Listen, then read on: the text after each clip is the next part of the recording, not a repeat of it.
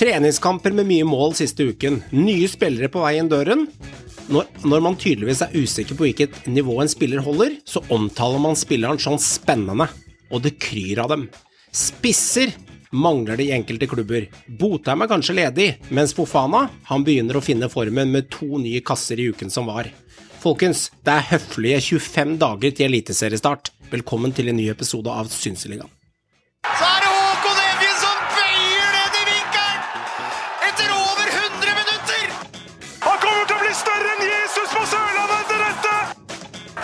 Pisser eller folk er likegyldige. Det er det verste som skjer med en fotballklubb. Det er faen meg undergangen, det. Og det er han som omtrent aldri skårer mål, som prikker den inn nede ved stolpen! Det, det jeg gleder meg mest til, det er alle diskusjonene som kommer, og alle som kan alt om fotball, som dukker opp igjen og, og veit fasiten.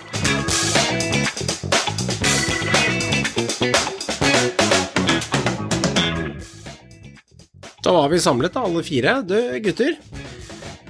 Jeg starter hos deg i dag, Meran, og eh, jeg ser litt sånn smårykter på at du er stadig vekk ute og tester eh, norsk jord i eh, friluftsnivå. Altså, så jeg er litt av snap i helga her, eller rett før helga, på at du er ute og prøver deg litt på Lars Monsen i tidlig 2022-versjon? Det er helt riktig. Ja. Jeg var ute og gikk meg en fantastisk fin tur i går. Ja. Oppe ved er det Jeg husker ikke hva det heter engang. Oppe ved Aron der. Mm. Mange fine turstier der. Ja, hadde med kaffe og bar og kosa meg. Lå det over, eller var det kun sånn Nei, dagstur? nei, nei, det var en koselig dagstur. Koselig dagstur. Eh, dro tidlig og kom hjem seint. Men eh, kosa meg. Deilig. Deilig. Bra. Jeg får litt inspirasjon av det, men det var, det var ikke mange snappene jeg så. Men det var noen der, da. Det var nok til at jeg tenkte at hm, klarer han, så klarer jeg. Du vet den feelinga der. Så. Men det er nettopp det. Det er nettopp det. Klarer jeg, så klarer du. Ja. Og eh, jeg arrangerer en ny tur allerede nå til søndag. Da skal jeg og Ole Henry, som vi kjenner godt, Mhm. han skal, eh, han, han skal være med meg. Da syns jeg du skal bli med du òg, Krog. Får du deg en fin tur. Dette, skal vi, dette skal vi vurdere, men det var litt skryt til deg. For at du avslutta høsten i fjor også med sånn lita tur, og nå starter du liksom Når minusgradene har begynt å gi seg nå, så starter vi søren meg på en ny tur tidlig på året. Så det er bra. Det er bra. Ja ja, tidlig på nå. Tidlig på nå. Fisking og sånn, blir det noe fisking på turen, eller er det håpløst? Ja, nei, jeg begynner allerede i april. Vi setter i gang. Men jeg har allerede vært ute på noen telttur, sånn, men nå er det mulig å fiske Ja. der vi var. Ja. Eh, for der var det ikke noe vann. Så, men vi setter i gang med det i april, tenker jeg. Ok, ok, nice. nice. Joakim, kan ikke du oppdatere oss litt, da? Åssen det ligger an i, nede i europasjiktet? Eh, det er jo triste saker som foregår der, men jeg vil henvende meg til deg jeg, en gang i uka på eh, Synseligaens egne politiske redaktør her. Nei, det det, det det står jo ganske stille der nede, da. Det Virker det som. Det- Nei, altså, det er bare trist. Mm. Så eh, Man må jo bare håpe på at det går over snart. Eh, så fort som mulig på en eller annen måte, egentlig. Det er nesten der man kommer. Da, at Man må bare håpe at den konflikten får en eller annen form for eh, ordning. Om det blir det ene eller det andre. Men det er to veldig steile fronter. Det er to, det er, det er to, to eh, stater som ikke er villige til å snu på femøringen engang i eh, forhandlinger, virker det som. Så det er klart, da, da kommer de jo ingen vei, da. Og så går det utover befolkningen, eh, sivilbefolkningen i Ukraina i stedet. Mm. Så nei, det er fryktelig, rett og slett. Jeg leste nå at det var 1,5 million mennesker på flukt allerede, og landet har vel 40 millioner, så om en 14 dagers tid så kan vi begynne å kan det nærme oss kanskje tre-firedobling av det, hvis det fortsetter å eskalere. Ja, Du må jo huske på at de største byene er jo ikke, er jo ikke tomme. eh, For de kommer jo ikke ut, eh, veldig mange. Så det er klart at eh, det, det kan bli mange millioner mennesker som forsvinner der. Og det er jo de heldige, de som faktisk får flykta ut av landet. Mm. Det er jo de heldige. Ja, Håvard, og når det er en gang sånn at det er så røffe vilkår og situasjonen nede i Europa, så begynner jo Fifa å blande seg litt inn i sikkerheten til spillere her. Nå har jo blitt snakk om å terminere en del kontrakter på russiske spillere, og jo, det påvirker bl.a. tre nordmenn selv også. Så det kan jo begynne å skje ting inn mot fotballverdenen her også. Det er ikke lett situasjon for de som sitter der med enten om de er aleine eller med familie eller hva det er. Det er ganske turbulent, det òg. Altså, basically så er jo eh, har jo spillerne og trenerne og for så vidt støtteapparat for øvrig eh, i, i, disse russiske klubbene. Og den ukrainske ligaen er jo stoppa på ubestemt tid. Altså, hvem vet når den kan starte opp igjen? ikke sant? Det, det er jo ingen som vet. Det kan jo være kanskje om flere år. altså for en Helt ærlig, det, det vet jo ingen. Mm. Men den russiske ligaen, i hvert fall, der er Fifa bestemt, gått inn og bestemt. Og, og at eh, alle spillere eh, kan har rett til å si opp kontrakta si og finne seg nye klubber, eh, selv om vinduet er stengt. Og eh, det vil jo være et lass med spillere som, som vil prøve å skaffe seg en ny klubb i Europa. Og deriblant vår egen Botheim og Lars Olden Larsen og, og, og Magnus Knutsen, som nylig har gått til nettopp russiske ligaen.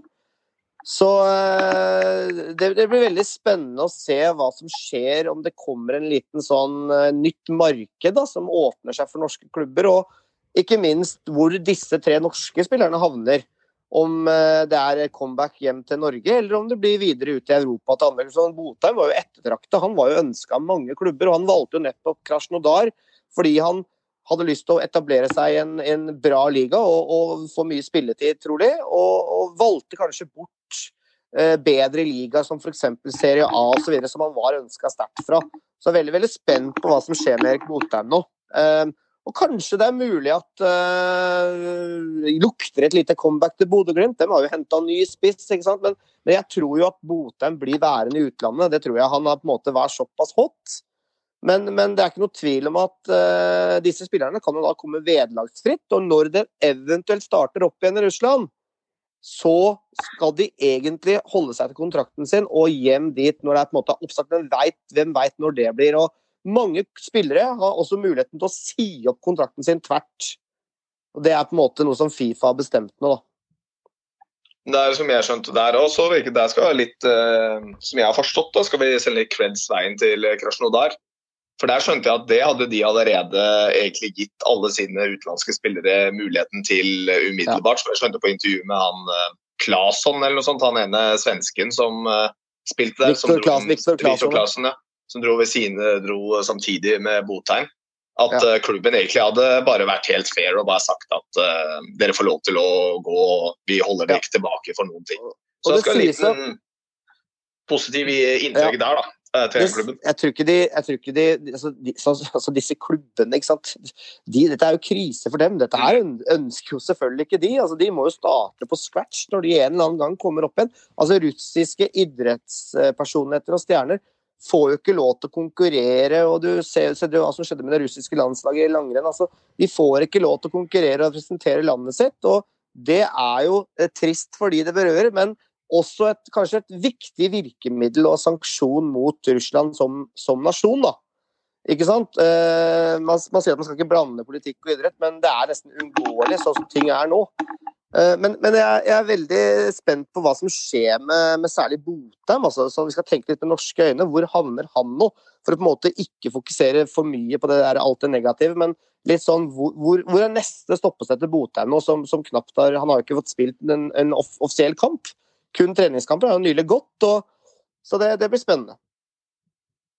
Jeg tror Botheim har mange muligheter, egentlig. Jeg tror det er en del eh, klubber som man kan uh, gå til nå, som har en mulighet som man kan utafor Norge, vel å merke. For jeg tror nok det er der den havner. Jeg tror ikke han går tilbake igjen til Norge. Og om han gjør det, så går han jo til Glimt. Altså det, da går han bare tilbake. igjen. så enkelt er det bare. Det er jo ingen andre klubber han eventuelt ønsker å spille for i Norge, tror jeg, i forhold til utlandet. Så um, jeg tror han har gode muligheter. Um, det er mange sterke ligaer, om enn ikke så sterk som Russland, som faktisk er en ganske sterk liga i det sammenheng. Det, det, var en sterk liga.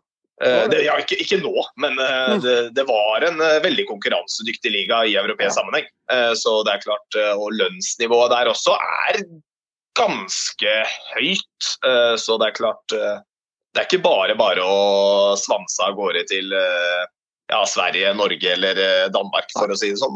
da. Kan de millionene Glimt har fått hittil, er det rundt 60 det spekuleres i? Ja. Det Er, spekuleres i de- i engangssum på 60-70, og så var det den videre type 20-30 millionene som skulle komme etter hvert. Men, men det, det er nok eh, bankers, ja, at de har fått det. Men, eh, men så kan de kanskje Jeg vet ikke hva som skjer med resten, hvordan dette her jobbes Men- inn mot. men si nå da Glimt har fått de penga. Kan Krasjnodar på noe som helst måte få de penga tilbake? Kan de gjøre rett på det? Nei. Det tviler jeg på. Tviler jeg på. Så teknisk sett så kan Glimt innkassere da 60 mil, og så får han da vederlagsfritt tilbake, da. I teorien tror jeg det. I teorien, så kan de jo, I teorien kan du jo få enda mer. I teorien. Det er jo helt vilt, i så fall. Se for deg Tenk om- se for deg det syke av mer han. signerer nå. Se for deg det syke at de signerer han, så kommer han tilbake, og så spiller han sammen med eh, eh, Timothy Dale, Espejord, eh, i, i, i tospann, skårer 16-17 mål, og så, og så kjøper Krasjondar han igjen på slutten av året.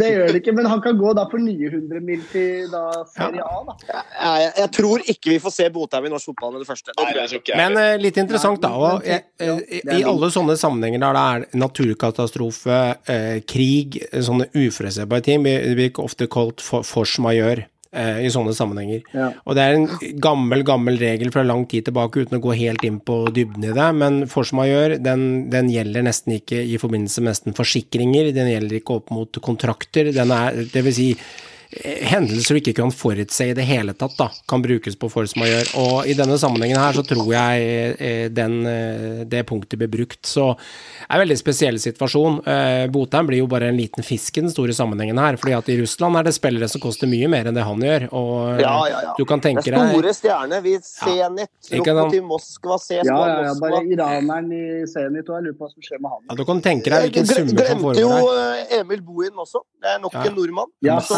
eies av eh, CSKA Moskva. Så det er fire nordmenn faktisk som det berøres. Det er helt enormt. Han er på lån i Serie A nå. Han er i Salernitana, Emil Bohinen, men, men han er kun på lån der. Ja. Så hva som skjer med disse norske gutta nå, det er, det er ikke godt å si. Det, og ikke minst de store stjernene i Zenit og de andre store klubbene. Ja da, det er eh, Men det, du så jo det langrennssirkuset også, når du så hva Bolsjunov la ut på sosiale medier eh, noen dager etter at han heller ikke Nå er han jo kaptein for hæren der, men i i langrennssirkuset så var det også litt diskusjoner rundt han.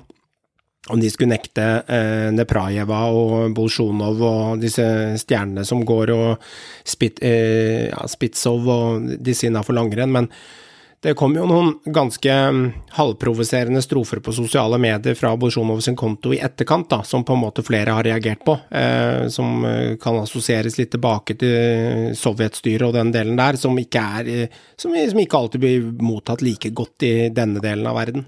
Altså, han viser jo på mange måter støtte til Ja. Putin og det de, de gjør, så det, er jo, det får stå for hans regning. og Ja. Jeg tenker bare, La oss bare drite i å bruke tid på å snakke om han uh, typen der, tenker jeg. Altså, Det skal vi er ikke jo- gjøre. Eh, men jeg, men jeg syns at det var riktig gjort av, eh, av FIS og det som er lagt ned der, når de først uh, lagde litt restrikser på ikke møte opp på norsk jord med russiske utøvere. Uh, Du ser i etterkant at det kanskje var korrekt også. Så jeg håper disse Jeg- jeg- nordmennene som spiller i utlandet for russiske russiske da, om det er Bohin eller Bota eller hvem det er nå, så håper jeg de finner seg klubber og kommer seg i, i safety, ass. Jeg syns jo det er riktig av Fifa Ja, å gjøre det her. kjempebra. Og overstyre og, og på en måte eh, Når det gjelder trenere, altså, de har jo ikke, de har ikke lyst til å være der nå. Det, Nei, det sier jo seg sjøl. Det, det er jo ingen som har lyst til det. Og for ikke snakke om også spillere i ukrainsk fotball. Altså, det vi snakker Ja, ja. Sjaktar Donetsk, Dynamo Kiev, Champions League-klubber. Så store lag. Hva er det som skjedde med han der sheriff, er det Sheriff. Tyrol-spilleren eller treneren som plutselig Hva, hva var det for noe? Sheriff Tiraspol, Ja, treneren. Det er moldovisk lag. ja, ja. Lag fra Moldova som nylig slo faktisk Real Madrid i Champions League gruppespill. Ja. Sheriff er et lag som Rosenborg også har møtt x antall ganger opp igjennom. Ja. Treneren deres er ukrainer. Han har jo meldt seg til hæren og etter krig. Ja, Er i hæren nå? Han er i Han hæren er nå. Ja, ja, snakk han. Han skal Han, hjem og dro, han skal hjem og krige. Det er trøkk, det er trøkk i Så luka. det er eh, ja, det er alle mann til pumpene Høres litt sånn surrealistisk ut, hele greiene, egentlig. Ja, Det er helt surrealistisk. Det er så, det så bare. Vi har jo tidligere verdensmestere i boksing som står Ja. eh, Klitsjko og står og kriger midt i selve smørøyet der. Så ja, det er ganske sjukt. Er De holder fort i Kiev nå, de brødrene der. Ja, ja, ja. Så ser jeg, gutter, at Glimt-fansen er ute med litt av bønnen her, med spill kampen eller send Ålesund videre. Eh, På en måte litt artig greie å se at de, de ser litt stort på det, og som at eh, de ser ikke bare at det er svart-hvitt at Bodø-Glimt skal gå videre med en 3-0 walkover her, men de er faktisk blanda seg litt inn i, inn i diskusjonen, og det er litt spennende, Joakim. Ja, nå, nå skal det sies at det er uenigheter her, da. Det er Ja, ja, det skjønner vi. Det andre også, men jeg, altså, jeg syns det er, synes det er en fint, en fin, eh, et fint tiltak å ta. og dette, Som jeg har skjønt også, så er det liksom det, det er ikke bare sånn tilfeldige bodøværinger. Det er folk som faktisk har en standing i fansen hos Glimt, som går ut og sier det. Og helt ærlig så er jeg, eh, er jeg enig. Eh, Jeg syns jo mer jeg har hørt om den saken her, så det er ikke det at Glimt nødvendigvis har ikke gjort noe feil. Og jeg syns ikke nødvendigvis at jeg synes ikke Glimt er å klandre nevneverdig for at de prøver å på en måte få ting til å fungere i forhold til europaspill. Eh, Men jeg mener jo at eh, når oppsatt dato Det er oppsatt dato. Eh, Og når man ikke finner en annen løsning, så syns jeg det er bemerkelsesverdig å velge en annen dato isteden, når det ikke lar seg gjøre for et lag. Så i utgangspunktet så er jeg enig med Gunn-fansen her, og også delvis da Ålesund i den grad at jeg mener det er, det er ikke Ålesund sin skyld at denne kampen ikke spilles. Uh, det er først og fremst NFF. Men når den da må spilles uh, i én av to datoer, da velger du den datoen som først er satt opp. Det er min soleklare tegn på det. Og jeg syns kanskje at ledelsen i litt sånn som Glimt også, de tilbakemeldingene de har kommet, da, det, det har vært litt lite glimt over de der eh, tingene som styret og sånt har lagt ut. Det er litt, har vært litt sånn overpå nedholdning, syns jeg, fra Glimt-styret. Eh, Jeg syns ikke det har okay. vært noe særlig folkelig. da. Og Glimt har liksom vært det der folkelaget, så Det jeg er kan, jo litt misfor, det kan jo også misforstås, da. jo, men jeg er litt enig med fansen der at de på en måte de ønsker Altså, vi skal liksom være et sånn folkelig lag, da. Um, og jeg syns Ja, jeg, jeg vet ikke. Jeg syns for meg, da, så har Glimt kanskje fått ledelse. Glimt kanskje fått en litt ripe i lakken hos meg eh, for å stå liksom så beinhardt på den flyttinga, da. Altså, det handler jo først og fremst om fair play, og det, det er jo ikke fair play at et lag Altså, vi har kommet etter. Det er ikke første runde i, i, sjuendedivisjonscupen, liksom. Det er, det er Eliteserien, og cupen er kommet et langt stykke på vei. Det høres jo helt sykt ut at et lag skal tape på walkover 3-0 når det har kommet så langt. Så jeg syns det er veldig merkelig at NFF og NTF ikke jobber hardere for å finne en løsning. Og Glimt har jo også sagt at de var villige til å flytte den datoen, men til etter, etter eh, dette europastyret. Og det mener jeg er den beste løsninga her. Jeg skjønner at Glimt eh, vil gjøre alle muligheter for å få et lettere kampprogram. Fordi NFF har også lovt, og det er på en måte noe de har gått ut med, at de skal legge til rette for norske lag i Europa. Og Glimt har kommet til åttendelsfinale. Og da må du legge til rette best mulig når det har gått ut og sagt og flagga det. Og det er jævlig viktig for norsk fotball også, at Glimt gjør det bra. Det drypper på resten, og det drypper på omdømme og, og ikke minst oppmerksomhet osv. på norsk fotball. Men jeg syns jo at det er utrolig trist at Ålesund har havna i den situasjonen her. eh, Når de har problemer med korona og skader osv. Jeg har aldri sett Så- det, aldri så- sett det før, Håvard, i noen så, sammenheng. vir, så virker det jo som at de bare OK, dere er ikke så viktige som Glimt. Dere er nyopprykka, dere er et lite lag. Dere er kommet videre i cupen. Altså, sorry. Dere betyr ikke like mye som Glimt, virker det som. Eh, så jeg skjønner veldig at Ålesund reagerer, men jeg er på en måte ikke enig i at Glimt har gjort så fryktelig mye gærent her heller. For jeg skjønner at de er keen på å flytte den datoen, og at NFF har gått og flagga at de skal legge til rette. Men at de ikke klarer å finne en annen dato, det syns jeg er ytterst merkelig. For meg er dette bare et prakteksempel av at NFF, NTF, gjemmer seg og lar klubbene ta støyten. Eh, klubbene har ikke gjort noen ting gærent her. De har jo bl.a. prøvd å føre til dialog med NFF. Det er vanskelig å få til en dialog, visstnok. Og NFF de tar ikke ansvaret her, noe som de skal egentlig gjøre. Saken er veldig enkel. Finn en ny dato. Hvor vanskelig er det? Hvor mange ansatte må til for å få til det? Det er én ansatt som må til. Få kontakt med klubbene, finn en ny dato og fiks den suppa de egentlig har satt seg sjøl inn i. Der er NFF utelukkende. Glimt har ikke gjort noe feil. Ålesund har heller ikke gjort noe feil. NFF har sagt det sjøl, de må legge til rette. Ja, da må de gjøre det for begge lag. Det er åpenbart at det må skje etter cupkampene, eller europakampene. Det her må NFF fikse opp i. Det er dem sjøl som har satt egentlig alle i den situasjonen her. Enkelt og greit. Det, og det er jeg 100% enig i. Altså, dette er ene og alene NFF som har fordi den, Det de skulle sagt, altså enkelt som er, er jo det at uh, de skulle bare slett, altså, vi, vi, må finne en dato som funker for oss og for dere. Men hvis vi ikke finner det, så må kampen spilles på fastsatt dato. Altså, Så enkelt er det bare. Det var jo litt artig også, jeg så, nå leste jeg jo i en, en annen artikkel, det var vel i forbindelse med ansettelsen av uh, uh, av, Nå husker jeg jo ikke hva jeg heter engang. Nye Lise. presidenten i Klavenes. Lise Ja, Klavenes. En Eh, og president, da- det. Ja, da var det også et eksempel fra et par år 2013, eller altså en stund siden, da, at Ålesund var jo i en playoff-fallik i akkurat samme situasjon med akkurat samme antall uh, kamper imellom, og hadde en seriekamp mot Godset imellom der. De fikk ikke flytta noen kamp da. Uh, og det er litt, men poenget er liksom, Ja, jeg skjønner den der, men det, det, det er liksom det er, sånn NF, det er litt sånn NFF-ting å gjemme seg bak den der vi har lovt å legge til. Ja, det har dere lovt, men ikke på bekostning av andre lag. altså Så ekte er det bare. Det, altså, dere legger til rette, det er greit, men du skal legge til rette for Ålesund. Du skal da legge til rette for de andre lagene også. Så Nei, jeg syns det er feil. og Det var litt som jeg var inne på sist òg, at hvis det er ett av disse lagene her som kan spille altså Som på en måte kan tåle eh, å stille med et reservelag, eh, og fremdeles har mulighet til å gå videre, så er det Glimt.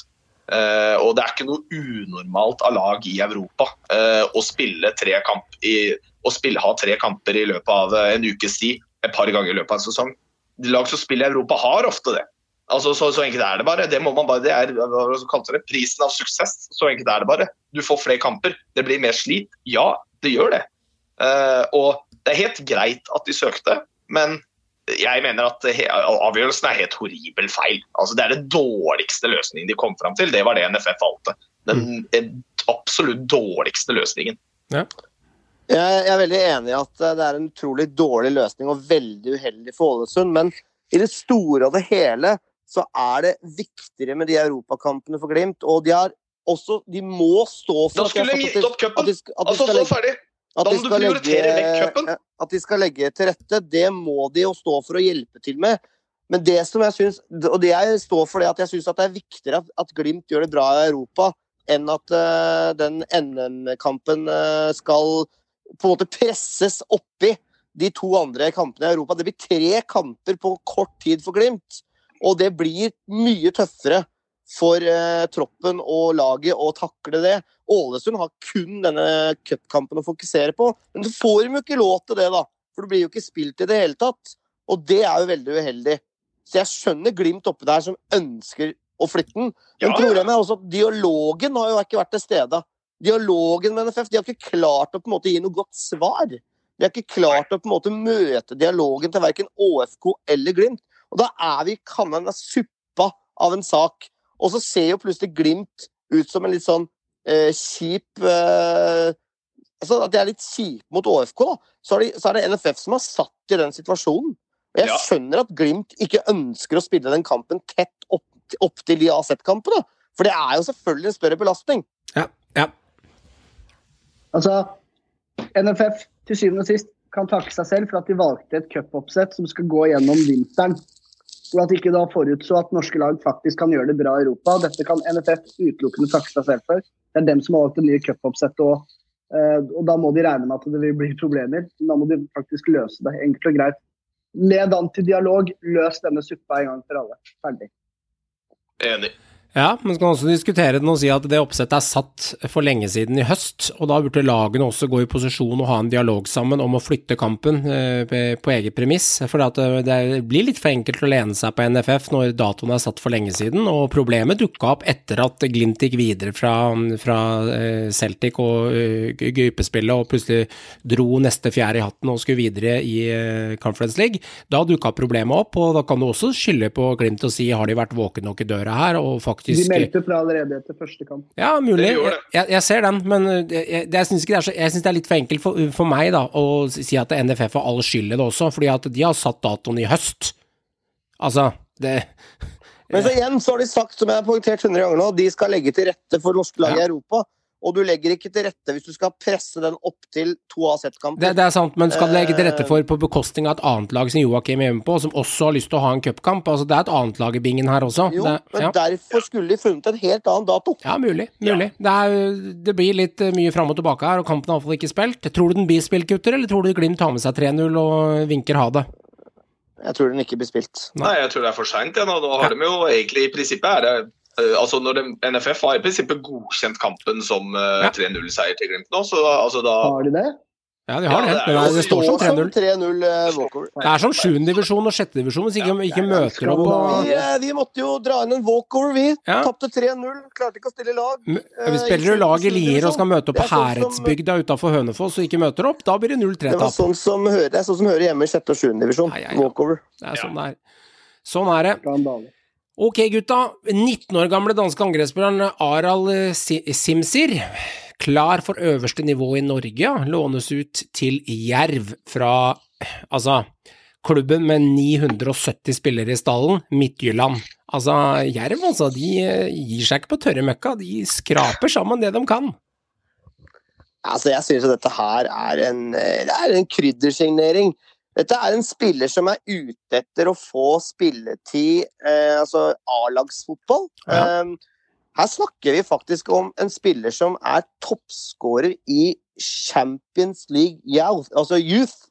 youth ja. altså han, Young, han, er, uh, han, er, faktisk så heit at han har bøtta inn mål i Champions League for, for Midtjylland. Mm. Og, og, ikke god nok for A-laget til Midtjylland. Det er et trangt nåløye. Det er Danmarks uh, ja, topp eh, to, altså topp én altså Helt, helt oppi, oppi toppen der, bak FCK kanskje akkurat nå. Mm. Eh, spiller som har masse aldersbestemte landskamper. Var faktisk nylig aktuell for en overgang til Trapsson-spor. Eh, og, og, flere klubber i Europa har vært ute etter spilleren. Plutselig, rekenes på av fjøl, så ender han opp i Jerv i Grimstad. Og det syns jeg er litt festlig. At de klarer å dra denne liksom, jokeren av en spiller opp av hatten. Eh, det, det, det, henger jo egentlig ikke på greip at han skal spille. Veit han hva han går til ja, i det hele tatt? Ja, det kan du lure på. For dette er jo faktisk et stort talent i dansk fotball. Deilig Grimstad om sommeren, da. Så er det Le Levermyr og Grimstad, liksom, og, og sliten gressbane.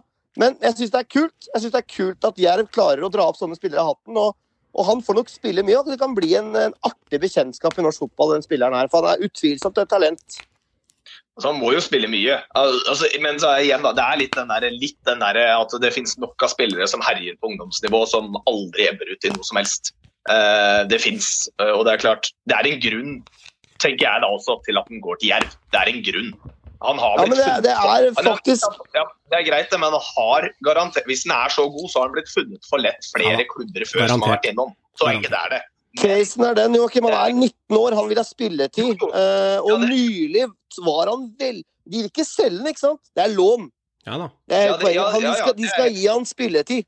De skal gi han eh, spilletid. Jeg tror, altså, og selvfølgelig, ja, og det er gøy, men jeg er helt enig i at det er gøy. Eh, og for meg nå så er det liksom enda mer da enn før. Da. Altså, det der Jerv-laget, det, det, det, er sånn himmel- eller helvete-lag. Altså, enten kommer ikke disse spillerne til å ha samspill for fem flate øre og løpe rundt som sånn hodeløse høns på banen, og så taper de ti kamper på rad. Eller så kommer jo Jerv sannsynligvis til å gjøre en grei serie. Jeg sier ikke at de overlever, men det er klart hvis Jerv klarer å vinne fem-seks eliteseriekamper i år, så har de da har de gjort en god serie. Altså, men, helt, men, helt, men helt, helt, ærlig så syns jeg at det de har dratt opp av hatten nå, ja, med den lille klubben de har, med det budsjettet de er tro til det Arne Sandstø sa på den eh, VG, Ja, det er sant. VG Ja, Det er ja, sant. ja, ja. Altså, Ja. vi henter eh, spillere på en måte som har erfaring fra norsk fotball, som på en måte ikke er gode nok, eller som Ja, de, har er henta som type som Erik Tobias Sandberg, Brenden osv.? Ja, ja. Som er på en litt sånn trause spillere som på en måte ikke er Som er på nedre halvdel, men som er erfaren fra Eliteserien. ja, ja. Og så Mm. krydrer de med spillere fra utlandet. Og det verste er at plutselig så treffer de på noen av disse gutta her. Ja, ja, ja. Og så blir det en OK sluttprodukt. Så jeg syns at det er litt artig hvordan de driver, og det skal de faen meg litt kred for, altså. Nå driver At de bare Håvard henter safe, Nå at de gønner på litt. Nå driver Håvard og snakker om å dra på hatten og rekans på et fjøl her, eh, Meran. Jeg ser også at du driver og eh, kommer rekans på fjøl med ei lita afterrate fra sida her. Du unner deg en lita sjokoladebit, ser jeg. After Eight, det er min guilty pleasure, ass. Det, Ja. det er After eight. favorittprogram.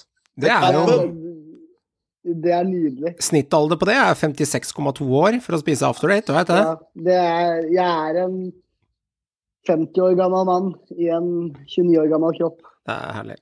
Men jeg er enig med Håvard, jeg. Jeg syns det er spennende, og øh, det er litt artig å se at de, de, de, når alle andre har forsynt seg, så kan de forsyne seg til slutt. Men jeg syns de er på, jeg. Altså, de gjør det de kan, i hvert fall, til å hente inn spillere. Og så tror jeg ikke helt ærlig eh, Jeg nevnte jo det inntil introen dag, at er du i tvil om spilleren er god, så bruker alle ordet 'spennende' om en spiller. eh, Og det blir jo brukt til stadig vekk. Og jeg tror ikke heller Arne Sandstø og Jerv, med det scoutingapparatet de har, har 100 kontroll på alle spillerne de har henta. Jeg tror de har tatt noen pokersjanser her. 100 at de har tatt pokersjanser. Ja. Det, er ikke noe, det noe antakelse, det er 100 Ja. at det er pokersjanser. Det er. Men når det gjelder Arald Simsir, som da er har spilt på alle aldersbestemte landslag i Danmark, Ja. og er toppskårer i Champions League eh, Youth, Ja, da er, du ikke, en drittspiller. Nei, Det kan jeg bare si med en gang. Vi skal om, vi skal snakke om en annen spiller seinere også, som heller ikke har spilt eh, A-lagsfotball. Som også går under ordet 'spennende', Ja. men som har meritter på eh, aldersbestemt nivå og, og aldersbestemte landslag. Så, så sånne typer spillere eh, som, som er selvfølgelig ikke noen toppklubber, ikke sant? Som, som, kan, som gir de spilletid. Og så er det en, en start, altså en plattform for å komme seg inn på A-lagsfotballen. Ja, ja. Og, og, og, men Midtjylland nekter jo å selge han her, selvfølgelig, for det har jo ikke Jerv i nærheten av råd til. Men å låne inn spillere, hente på free, free transfer, holdt jeg på å si, det er sånn de jobber. Jeg syns at de har gjort en ganske god og litt spennende jobb i overgangsmarkedet Jerv. For å fortsette analogien med poker, da, så kan du si at uh, det er en pokersjanse. Men Ja. eh, de, har, de har et par liggende De har en pocket liggende. Ja. Så de har et par fra før, men det er ikke høyt. Det er sånn par åtte. Sånn midt på treet. Det kan gå veldig bra. Ja. Og de kan, det kan gå rett i dass. Men apropos da, spennende 19-åringer som kommer på lån fra toppklubber i Skandinavia, så har jo Sandefjord også henta en eh, fra Malmö, Aleksander Damjanovic. Som er veldig spennende. Nilsson. Så det stemmer. Ja. Damjanovic Nilsson. Så han er veldig spennende. Så omtales også som spennende, da. Ja, det er alltid spennende og ubeskrevet Ja, ja, blad hvis vi er usikre. Vet Men, du. men, men igjen, hvis du er i disse toppklubba og du på en måte nærmer deg Du nærmer deg, du er på benken kanskje, du har kanskje fått slippe litt til. Vi har jo en, en i Rosenborg også, som vi skal snakke med om etterpå.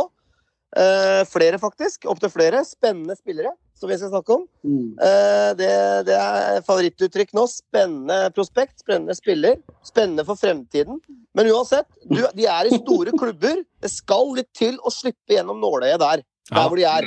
En, Og da er det sånn de, ofte de store klubba jobber. De sender de på lån. Ja. Det har vi jævlig mange eksempler på også ute i Europa.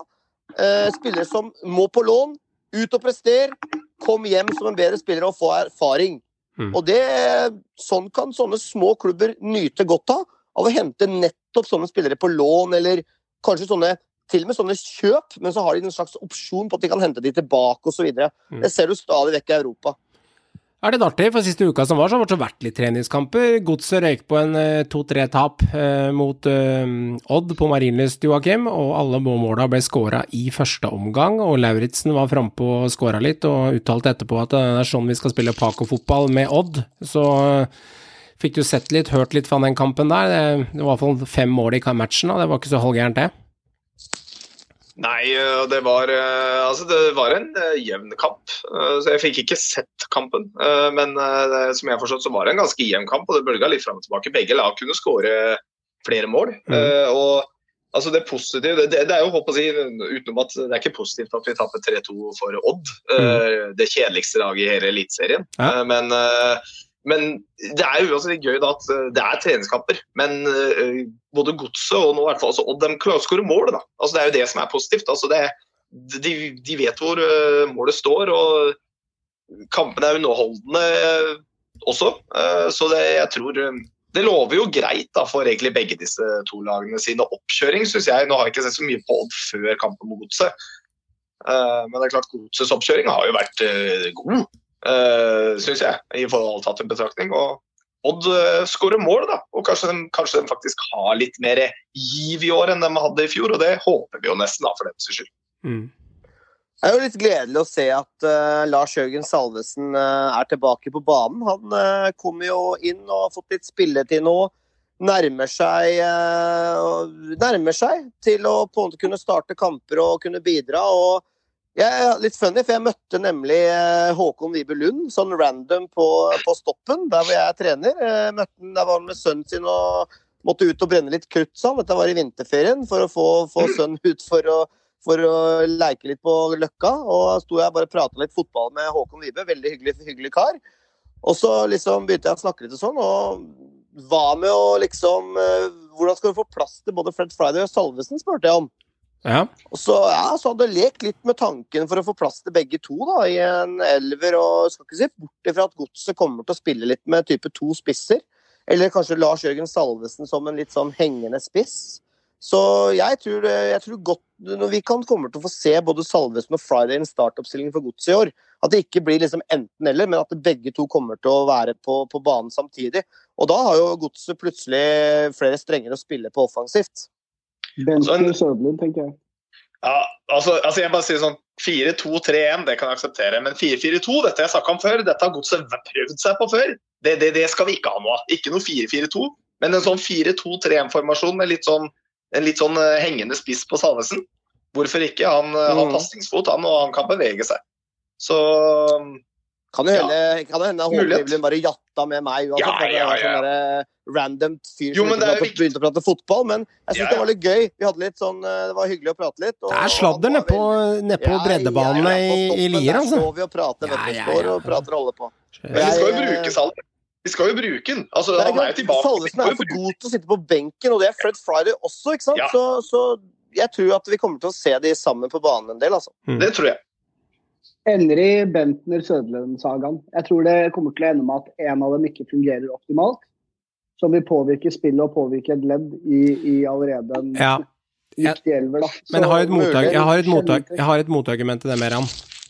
Det handler mye om omgivelsene. fordi at du, Hvis du hadde Sødlund Bentner, den eh, trioen når de skulle spille sammen der, og det funka en match, de slo Molde 4-1 blant annet, og så var det litt skriverier og litt styr, og så var det en av dem som uttalte at vi kunne godt spille i tospann, for begge vil gjerne spille.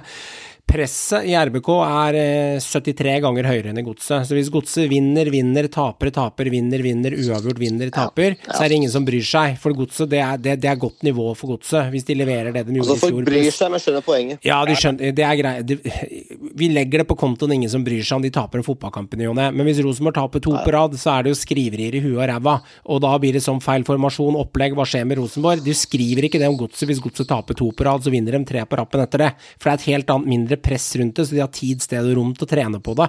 Det får du ikke i Rosenborg. Det er det bare å glemme. Så det er Altså, det er veldig enkelt, da. Vi Godset-supportere. Vi, vi skal, det er ikke til sjuende sol. Vi er såpass oppegående at så lenge vi slipper å være i nedrykksstrid, Ja, så er, er vi litt fornøyd med sesongen. Ja. Vi vil ikke være et topplag, det vil alle. Men så lenge vi slipper nedrykksstrid, så er, så er vi tålelig fornøyd. Vinner de to, og så taper de én, og så går de på trynet i Molde, og så slår de Haugesund 3-1, og så vinner de mot uh, Jerv 4-0, og så taper de på Lerkendal, og så får du uavgjort neste. Altså, da gjør de en god sesong, de. Men hvis du gjør det som Ros Rosenborg-lag, så er det, det er bare kroken på døra. Men uh, han, eh, han Paco i Odd han er, jo, han er jo så høy og mørk nå, så han har begynt å kalle det for Paco Poco. Uh, det er fotballen han står for nå. Ikke Tikki Taka, det er, pa, det er Paco Poco. Det er ny sånn fotball uh, som, som Paco Nei, bare kødder. Det, det hadde vært veldig rått hvis han bare fant på en, Nei, fant på en ny det. Ny måte å spille Det er Paco Poco-fotball. Ja, det er nesten som, Det- nesten som Funko Pop, de her små figurene av tegneseriefigurene der. Altså, det, det er ikke ticket, det er Paco Poco. Ja, det er Paco ny Poco. fotball å spille. Det er sånn Odd Nei. spiller nå. Paco Poco-fotball. Okay, okay. Så, men litt sånn spøk til alvor. Eh, Odd så visst ganske bra ut den kampen. Eh, De gjorde det. Så kan jo hende at eh, han fyren får litt skikk på sakene, godeste Paco. Så vi får se. Men jeg syns fortsatt det ser tynt ut for dette Odd-laget. og Det har ikke kommet mange inn. Men vi har jo en uh, Stabæk-kjenning som har kommet inn siden sist. Eh, Ivan Mesic har kommet inn som Er stopper. Ganske god. Ganske OK på et svakt Stabæk-lag. Er det spennende? Eh, Bra pasningsfot. Og... spennende. Spennende, spennende spiller. Dette er jo, dette er jo uh, også et Midtjylland-produkt, eller, eller er det Nordsjælland? Ja. Nei, jeg, Er jeg, vi, vi sier bare midt, Midtjylland. Midtjylland? De eier, Håvard, de eier 900 spillere, Midtjylland. Ja, de er, det, er, det, er, det, er, det er Skandinavias svar på City, Midtjylland. Ja. Men, eh, men uh, i hvert fall altså, Mesic gjorde seg i hvert fall ikke bort i Eliteserien. Så jeg tror at det er en spennende spiller. Nei, men altså, helt, helt ærlig, jeg tror han er, han er OK stopper Mesic. Ja. Det er han. Legg merke til det. Hvis han er spennende, og hvis han viser fram noen par ting i en kamp, da legger man på følgende setning Spennende spiller med X-faktor. Han hadde blant annet et heidundrende langskudd på Brann stadion. Ja. Og det poenget der kosta oss faen meg kanskje plassen Ja, men det er- eh, Alle rykka ned! Det skjedde ingenting. Nei, Ja. men det ligger noe i det. Det ligger noe i det hvis du er spennende med X-faktor. Da er du et nivå videre. Ikke sant? Da begynner vi å bli kjent med spilleren. Da har du ser vi hva han har å Ja, nå, tilby. nå er den spøken gammel. Nå må vi slutte. Nå må vi stoppe. Og så har vi Den går i hele 2022. Nå har vi så vidt starta. Håvard. Josef Bakai, eks-LSK, også signert av Odd Grenland. Hvordan vil du beskrive spilleren? Odd, ikke Grenland. Spennende. Den spøken er, den spøken er ikke ferdig. Du dro, du dro den igjen. Josef si Bakai er jo en utfordrer da, på uh, type venstre bekken, faktisk på, på John Kitulano-siden. Så Bak- Bakai, Tom Nordli, og snakka litt om denne spilleren. Gikk veid og funnet for lett i LSK, fikk på en måte ikke så mye sjanser der, men tatt turen videre til Odd og imponert på prøvespill. Så Odd har, har, har ikke bare henta en fra Skeid, når de henta en fra LSK og, og fra, for lån fra Midtjylland. Bra du skjøt inn, Meran. Det, det er viktig, for jeg bommer også på den hele tida. Det heter jo ikke Odd Grenland lenger. Det er, det er jo det er, er, det- er uh, kjeft på Insta-melding. er ikke det det heter? Det er Odds. Odds Odd ballklubb, ja. Men det er jo så vanskelig. Er, Odd Grenland, Odd, Odds, eller, eller hvis du er eller hvis du er på stadion, hvis du er på er Skagerrak det er- Det mest smålige jeg ser, jeg som Rosenborg-supporter, det fnyser jeg bare av hver gang jeg ser det. De ekte svarte og hvite, står det på en sånn plakat her. Det er for dumt. Ja, de, for, at de, de, for at Odd ble jo stifta før Rosenborg, og så har Rosenborg stikket av med alle medaljene de siste 100 åra, og da er det de ekte svarte og hvite. Det er vi som er de ekte svarte og hvite. Det er litt diss til dem. Jeg syns det er helt Jeg, jeg tror faktisk en spiller som Tobias Lauritzen Han tror jeg faktisk det bor litt mål i. Så han tror jeg kanskje kan få en god sesong, Vi får se. Jeg har en liten Han, følelse av han har jo hatt Han gode er perioder før. Men han, han er altså Nå må ikke vi drepe det ordet spennende, Nei, nei, men nei. Nei, nei, nei. nei, nei. Jeg er Tobias Lauritzen han er en habil spiss, altså. Ja. Han er en habil spiss. Men angående spennende. Jeg har en spiller til som også er spennende, men han vet vi Ja. mer om. Og det er eh, Sean Petanyami for, eh, for eh, Patinama. Patanama for ja. Viking. Han, han hadde en eh, hadde, Han sto for to skåringer, han, når de Var det en annen spiller du snakka om nå? Eller Nei. Patinama? Nei. Pat- Patinama han, eh, Ja. han eh, dunka inn to skåringer der, og det ser ut som han hadde en veldig veldig god match. Og de tok knekken på eh, Altså, Kristiansund er et vanskelig lag å møte uansett, men eh, Ja. det er ubeseiret oppkjøring av Viking, Yes. og 4-1 der. Altså, det er dette vikinglag. Altså. altså. Han, han begynner å ligne litt sånn eh, Bjarte Lunde Årsheim og Gunnar Aase-generasjonen fra 90-tallet på nytt her, Håvard. Så er det nettopp Bjarte som er trener òg, så Ikke ja. Nei, eh, Viking for meg, det har jeg sagt før, og det sier vi igjen. Medaljekandidat, eh, uten tvil. Sandberg skårer mål, Veton så frisk ut. Bra stoppepar med Stensnes, med liksom det norske navnet der, og Brekalo. Og solid keeper med Gunnarsson. Plutselig skårer venstrebekken Patinama to mål. Ja. Veldig, veldig god offensivt. Eh, De har henta mye bra i det vinduet her. Eh, Syns de ser spennende ut, Viking, og ikke minst for at de fikk beholde stjerna si Veton. Så tror jeg faktisk ikke at det tapet til Joe Bell blir så sykt merkbart, for de Nei. har ganske god dekning sentralt. Og Mm. spennende på hva junior Solbakken kan eh, prestere. det, altså det eneste som det som taler altså det eneste som taler mot, da, det er liksom, liksom den derre vestlands Det er litt samme Brann sliter med. Det er, det, der, det er jo det der at Presset. Ja. pre, ja, altså de, de, de supporterne og alle rundt klubben altså det øker så voldsomt med en gang de gjør det bra. Uh, så det er liksom den fallhøyden for disse to klubbene på Vestlandet. Ja, Viking og Brann er så høy, men Lett å ta av. Det er lett å ta av. det er lett å ta av, men de har litt å ta av på òg, for de var gode i fjor. Altså, det var På sitt beste så var de, var de kanskje en av de, det eneste laget som jeg følte var på høyde med uh, Molde og Glimt. Uh, Ja, ja. På sitt beste var de ufattelig gode. og De endte jo på tredjeplass òg. jeg har, altså, jeg har troa på Viking i år. Altså, det, det, ja, fallhøyden er stor, men jeg har troa på Viking. Det er uh, helt enig. Soleklar medaljekandidat. Har du troa på Viking, Meran? Jeg har faktisk det. Oi. Jeg har faktisk veldig stor tro på Viking. Det er dårlig tegn. Det er dårlig tegn når alle har trua, for da, da veit vi åssen det går. Da blir det dårlige Ja. gjøre Nei, men, men jeg liker at vi er enige òg. Men det, Ja. det viser jo også et klart signal da, hvor Viking er, hvor Viking skal. Eh, for meg, nei. Altså, det ville vært, det ville vært eh, en skam av oss å ikke tippe Viking i toppen. Altså, jeg, dem, dem er jo på jobb, da. Beholder vi vetoen nå? Uh, Veldig spent på om vi får lik topp tre på tabelltipset vårt. Det gjør vi mest sannsynlig ikke. Vel, Mest sannsynlig ikke. Mest sannsynlig ikke.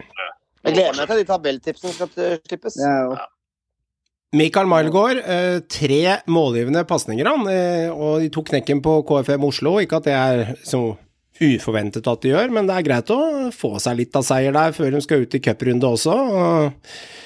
4-0, altså. Det Ja.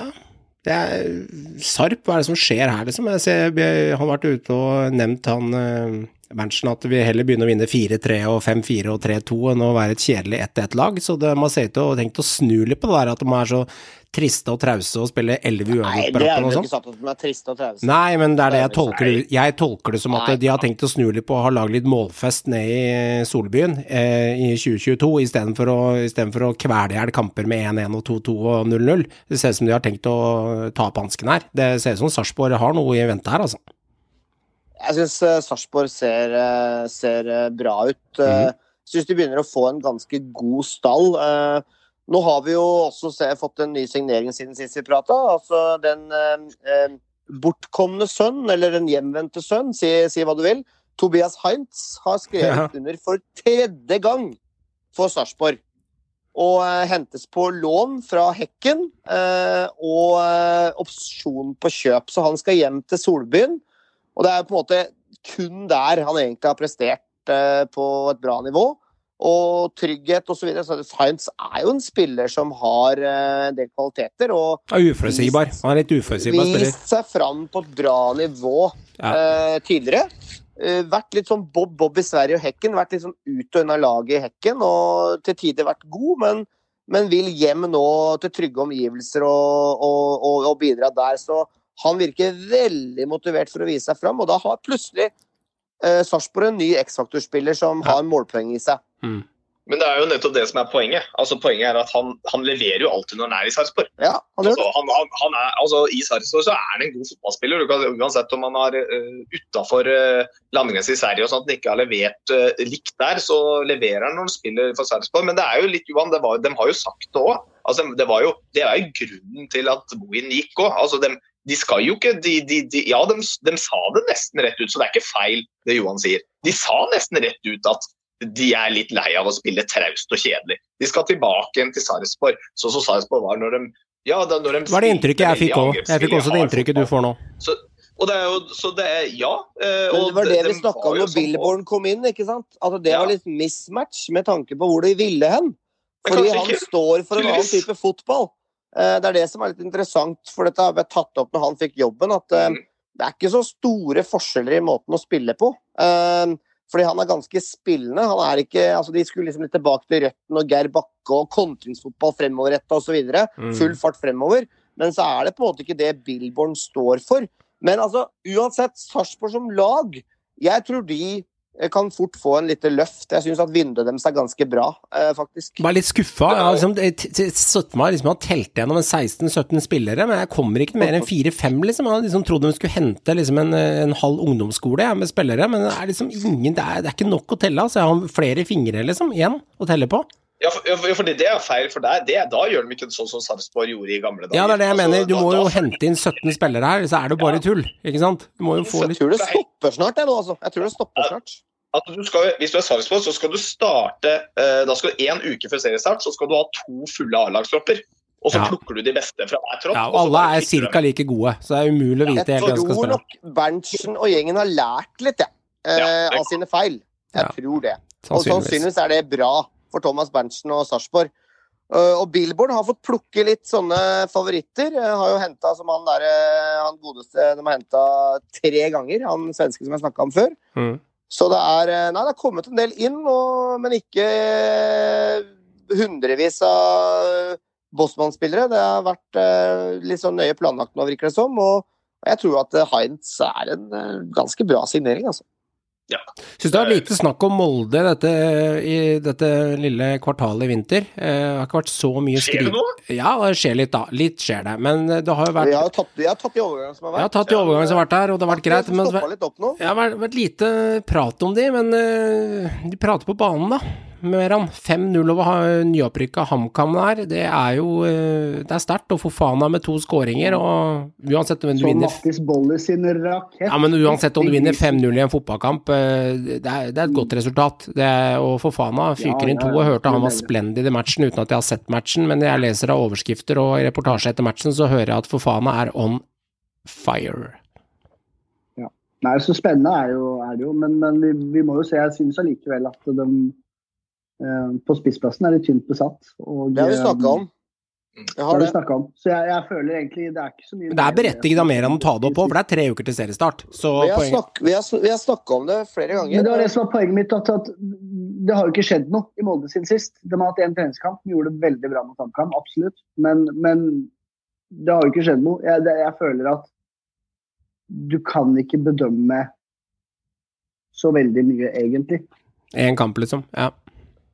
Ja, men også Poenget er det at eh, jeg tror på mange måter at, eh, Som jeg snakka litt om før òg, jeg tror Jeg har vært inne på det før. Jeg tror faktisk ikke Molde stresser så fælt på den spissplassen. Eh, nettopp fordi at Dattero Fofana har bøtta inn i preseason. Han har skåret nesten i hver eneste kamp de har spilt. ja, jeg skjønner. Han, han tror jeg kan få en kjempesesong. Ja, vi har også sett Jørgen Strand Larsen bøtte inn i preseason, og så var det knapt eh, fire-fem mål når sesongen eh, var over. Men igjen eh, Spillere altså kan plutselig bare ta helt av for, og, og jeg tror at Dattero Fofana har såpass mye kvaliteter at det er en spiller som trengte et år på å avklimatisere seg og kultur osv. Ung spiller, kommer som 18-åring, nå er han 19. Han har vært der et år. Han veit hva det går i. Han har visst tatt kjempetak selv. Og er veldig veldig keen på å vise fram at jeg skal være nummer én i Molde. Og så har du også Magnus Wolff Eikeren som brukes som en slags sånn falsk nier, litt sånn som City-spissene fremstår. Litt sånn type eh, De spiller jo nå med en 3-3-4-3 Molde. Eh, Dattero Fofana er nok eh, soleklart førstevalg eh, på topp. Og så, må de, så kombinerer de den der treeren framme litt sånn finurlig. Så, men, men altså bak dattera så har du jo en skadeutsatt Bjørn Bergman. Det har jeg snakka om lenge og mange, mye, mye om. Den der spissen som mangler. Men jeg tror, ikke, jeg tror ikke Molde stresser fryktelig med det. Jeg tror de er ganske fornøyd, og de har jo tross alt henta litt inn også. Vi skal ikke glemme det. Magnus Grødem også er brukt som en slags spiss i preseason, faktisk. Han som kom fra, fra eks-Vålerenga og, og, og Ullkisa. Og så har du jo eh, flere andre oppe av hatten. Mattis Bolli er nevnt, ikke sant. Eh, Eikrem. Det, det er Molde har mye å velge blant. Det er en stor tropp. De har mye kvalitetsspillere. Defensivt syns jeg de ser bra ut med Tidemann Hansen inn. Altså, Jeg er ikke bekymret. Jeg syns faktisk Molde sånn, litt sånn derre unnenfra og ned. Og driver og på en måte kanskje litt under radaren på det. Alle snakker om Glimt. Og Molde, Molde, Molde feier over HamKam, som har også sett bra ut i preseason. Eh, Molde for meg er litt sånn lumske, altså. Altså, Molde er Jeg var jo oppe, og jeg mener fremdeles Molde er en altså Det er jo uten tvil en gullkandidat. Eh, Jeg, jeg mener at det er ikke straight forward for Glimt. Det er ikke det. Men jeg mener også at jeg mener at det må, om det ikke er en ny toppspiss som kommer inn, om Fafana faktisk klarer å levere litt, og det kan godt hende, men det er fremdeles for tynt. Altså, De må ha en ren spiss til inn. Om det er en reservespiss, om det er en halvgod erstatter som den kan smelle inn når han er skada eller når han trenger hvile, det er OK. Eh, men i tillegg til Sigurdsson på toppen der, så må de ha en til. eh, For at jeg skal se på dem som, som på en måte får dem inn det, så, så, så mener jeg at det er, det er ikke bare Glimt å snakke om på toppen lenger. Da er det, da, da, da er det dødt løp, mener jeg. Jeg er enig i at eh, det må inn en spiss, for det er for tynt eh, med tanke Ja. på bredde på topp. Men jeg tror ikke Molde stresser nevneverdig akkurat sånn som ting er nå. Det tror jeg ikke de gjør. Jeg, jeg tror det kan være en litt falsk hvilepute, faktisk. Eh, Ja, mulig. Faktisk, fordi um, de kommer ikke til å henge med Bodø-Glimt, uh, tror jeg, hvis, uh, hvis de ikke får på plass en spiss. Uh, tr troppen blir litt eldre. Eh, noen spillere kommer ikke til å slå ganske mye unge spillere ja, men altså. noen spillere kommer ikke til å slå an som vi tror. Andre spillere kommer til å prestere bedre enn vi tror. Eh, Eikrem blir litt eldre, det kommer til å gå litt treigere i skøyta enn tidligere. Jeg, står for en horrible Det er ikke sikkert jeg setter opp i tabelltipset mitt, men jeg står for den horrible spådommen utafor pall hvis ikke de skaffer seg en spiss til. Jeg står for den enda. Men eh, det, er, det er langskudd fra meg, men eh, ja det, Det er lov. Det er lov. Eh, Jeg, jeg tror også at Rafik Seknini fort jeg, synes, jeg, jeg så han på høsten, og han begynte å bli litt varm i trøya ja. Jeg syns han så ganske bra ut. Eh, Jeg tror faktisk Rafik kan vise seg litt fra, fra gammelt nivå. Hestene er eh, borte, da. Det er flere der som er borte, liksom. Ja, ikke sant. Og ikke mista litt sånn eh, konkurranse der. Bolly var ikke outstanding i Stabæk akkurat, men han har også vist seg som en viktig spiller som kommer inn og skaper ubalanse. Det gjorde han også for Stabæk i høst. Og... Er Hussein helt Han ferdig var nå? god for Stabæk. Nei, nei, nei, Hussein har jo plutselig vært kjempegod. igjen. Ja, okay, Altså, ja. Og så oppi den miksen der, så har du alle de andre gutta der, med, med Sogndal-helten, ikke sant, og alt mulig der. Så Mannsverket. mannsverk og, og Ja, så tror jeg liksom Molde at noen kommer til å levere over evne i forhold til hva vi trodde, og noen kommer til å underprestere. Jeg er ikke sikker på at Eikrem kommer til å ta Eliteserien i 2022 med storm. Jeg tror det kan fort eh, hende han starter bare en 10-13 kamper og innbytter resten. Jeg tror kanskje det kan være nok for han en sesongen som går nå. Så jeg er litt i tvil om Jeg syns det er for mange usikre usikkerhetsmomenter. ja, det er usikkert, jeg er enig. Det er usikkert. Men det er det mange andre lag rundt òg. Men, men jeg syns Jeg tror at Molde er liksom på gang til noe. Jeg tror det kanskje er bra for Molde Vi får se. å legge om til 3-4-3 eh, og på en måte prøve en litt sånn ny eh, formasjon og ny giv og satse litt annerledes. For jeg syns fortsatt at stallen til Molde, når du går spiller for spiller, den er Ja, meget ja. sterk. Ja, den er sterk. Den er meget sterk. Jeg er enig i det. Joakim, take us to the Ja. quiz. Take us to the quiz. Take you to the quiz. Uh, yes. Um, bare kjapt før vi begynner, for jeg var usikker på om jeg hadde uh, markert det sist. Var det Johan eller Meran som begynte sist? Det var Johan. Ja, da har jeg begynte ikke, i hvert fall. Ja, Nei, da, var det sikkert meg. da, da, har jeg, da var jeg på. Så da var det greit. Ja. Ja, men det er fint. Um, kjapt, da går vi kjapt gjennom. Uh, året var hardere enn en 100. Mhm, Klubbrekkefølge Hvem er jeg? Hardere enn 100 og 500. mhm. På rekorder så har dere en 100, 400, 500. På tabellen siden 2009 så har dere en 100 og 500. Så det er fremdeles litt himmel og helvete. Okay. Men dere kvitta dere jo med to kategorier sist. Så da har vi to nye. Da må vi ha to nye kategorier inn. Oi sann. Ja, Nå spennende. begynner det å blandes bra her. Ut av Norge, hvor gikk jeg først? Oi, den liker jeg.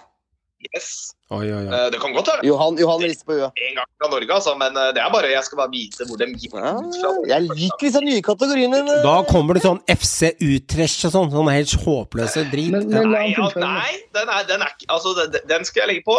Den her er, den er, ikke, den her er ikke tatt helt ut av pokkervoll. Dette er noe som folk skal kunne ha sånn Ah. Ja, ja, ja, ja. Kjør på. Spennende, spennende, spennende. Og så er det norsk europaspill. Greit. Ah, Også vanskelig. Eh, og det kan både være spillere og klubber. Men det er da nordmenn eller norske klubber ute i Europa. Ja. Stabæk København, den husker jeg. Av den fa favorittkategorien Favoritten Favoritt min fra favoritten min som jeg tømte sist, hvor mye har vi igjen der? Og det er du som begynner, Håvard, så det Ja, er, deilig! hvis du ønsker det. Jeg ønsker å begynne. Ja, ja, du skal begynne, så det er greit. Er Legend Stabæk København og Legend-kamp uten å si så mye mer enn det. Legend-kamp, Krog. Legend. På 500 da, lover. Og så Var det da det var mye ukvemsord fra tribunen, hørte jeg noe snakk om? Ja, jeg, jeg hørte at det har vært mye ukvemsord. Jeg og Meran var selvfølgelig ikke en del av det. Vi Nei, nei, satt og spiste popkorn som eh, flinke borgere og drakk eh, Farris med mangosmak. Men resten syns jeg oppførte seg rart. Håvard, det er din tur til å starte. Yes. Jeg, jeg gønner på, jeg tror jeg nå, med den, uh, den 500 tror jeg du henger jævlig høyt. På hva er det vi spiller? Jeg er litt redd for den, altså. Kom igjen, da. Nei, nei, nei. Men vet du, jeg skal, jeg, skal, jeg skal prøve den nye kategorien din først. Den Ja. eh, tar jeg eh, Jeg tar 400 på den nye kategorien din. Den eh, Hvor dro jeg? Ut av Norge. Ja. Ehm, Den er mulig på. Eh, Da er det enkelt og greit Nikola Djurdic fra Haugesund til Åh, det er lurespørsmål, holdt jeg på å si. For han har vært i mye klubber. Ja. Hva skal du ha? Skal du ha første klubben etter Haugesund? Helt korrekt. Oi, oi, oi. Fy faen, han han har, gikk fra Haugesund. han har vært i mye klubber. Har du begynt tida? Ja ja, gått Jeg, 24 jeg, sekunder jeg alt. veit så å si alle klubbene han har vært i, men jeg er litt usikker på rekkefølgen. Det er ikke Larvik-turen. Ikke svar de. Ah! Jeg vet, han har vært i både Malmö og Greuter Fürth og Eintracht Frankfurt og osv. osv. Hammarby. Du får kjøre, da. Men Men jeg eh, Jeg sier Greuter Fürth. Det er korrekt. Ah, det var deilig! Og den, den var jeg så stressa på, altså. Åh, ja, der er det farlig òg, for der begynner du liksom Ja. å dra fram klubber. Så hvis du tar feil, så har du liksom og det var det jeg tok meg sjøl i. At jeg begynte å si svara til dere hvis jeg tok feil. Men ja, det gikk bra. Heldigvis. Ja, det, Det gikk bra. det. Det er korrekt, vet du. Da neste. Eh, 500 i samme kategori. Oi, der ja. Oi, ja. Oi, nå skal han jeg, jeg, jeg må begynne å svinge disse kategoriene litt, merker jeg, så ikke Håvard bare får sånn Nei, nei, nå har det vært så mye sånn røde kort og dommer. Hva, er- hva, Nei, nei, hvor har han bodd, okay. Han dommeren og sånne rare ting? Så ja, kjør på. Ja. Johan Arneng fra Vålerenga til Johan er- det er dypt faktisk. Det er en seier, da. Ja, men uh... Johan Arneng. God damn it. Ut av landet, altså? ut av landet. har han helt tatt vært proff, er det jeg stiller spørsmål om. Han har vært ute av landet. Jeg så, jeg så han ikke vært. Det var, hu det var, hu det var humor, Joakim. Det var, det var kødd fra min side. Johan Arneng. Yes. Uh, Den har Håvard. Å, fy fader. Han har vært uh, i Vålerenga, det husker jeg. Svenske. Jeg uh, sier Han var i Ålesund nå. eh, ja. Jeg sier eh, AIK. Det er feil. Kan jeg ha mer enn ta hver vår? Ja, kjapt. Mer enn kjør. Djurgården. Det er korrekt. Det er Djurgården. Jeg sto mellom de to, vet du. Helvete, altså. Der var jeg på noe sånn der eh, Da får han minus 500, ikke sant? Da får jo, jo, Nei, jeg tok ikke 500. Jo, tok ikke det gjorde Du tok 500. Du tok jo 500. Å faen, jeg tok ikke 500? Du tok Ja, eh, den store, store laksen i nord. du. Ja.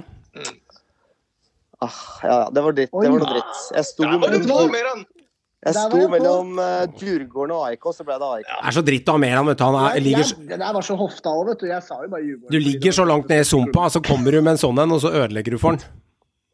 Nå var jeg så høy og mørk, og så ble jeg jekka ned der. Men sånn er det. Men Sånn er det. 400 Den er først, ikke veldig enkel, da, Håvard. 100 minus. Nei, det var, jeg visste han hadde gått til en av de toppklubba i Stockholm, og så var det rett og slett uh, Djurgården, ja. Det er eh, korrekt. Det var Djurgården i 2003, så det er en Ja, stund det siden. er en stund. Jeg husker spilleren godt. Jeg husker det i Ålesund òg. Lyslugg der. Ehm, ja, Meran. Da er det din Ja. tur. Nå skal jeg faen meg fucke opp for deg når du tok og fucka meg. Samme kategori 300. Oi. Ja, den, er- den, den, den bør være grei, faktisk. Eh, For det er rett og slett uh, Antony Udsja fra Lillestrøm til. Minds. Ikke det? Det er korrekt. Jo, Og var jeg så klar til å smelle i bordet hvis du tok feil med han, men eh, det er bra. vi tar samme kategori 200. Nå er han on fire! Nå er det on fire, liksom. Nå skal, ja, nå skal du få her. Ja, 200. OK. Da er det Patrick Mortensen fra Sarpsborg til. Åh, åh, åh. AG. Har du noe der? Hva heter den? Jeg har den. Århus heter den vel. AGF Århus. AFG AGF Århus. AGF. Det er korrekt, det. Ja. Det er bra, Meran.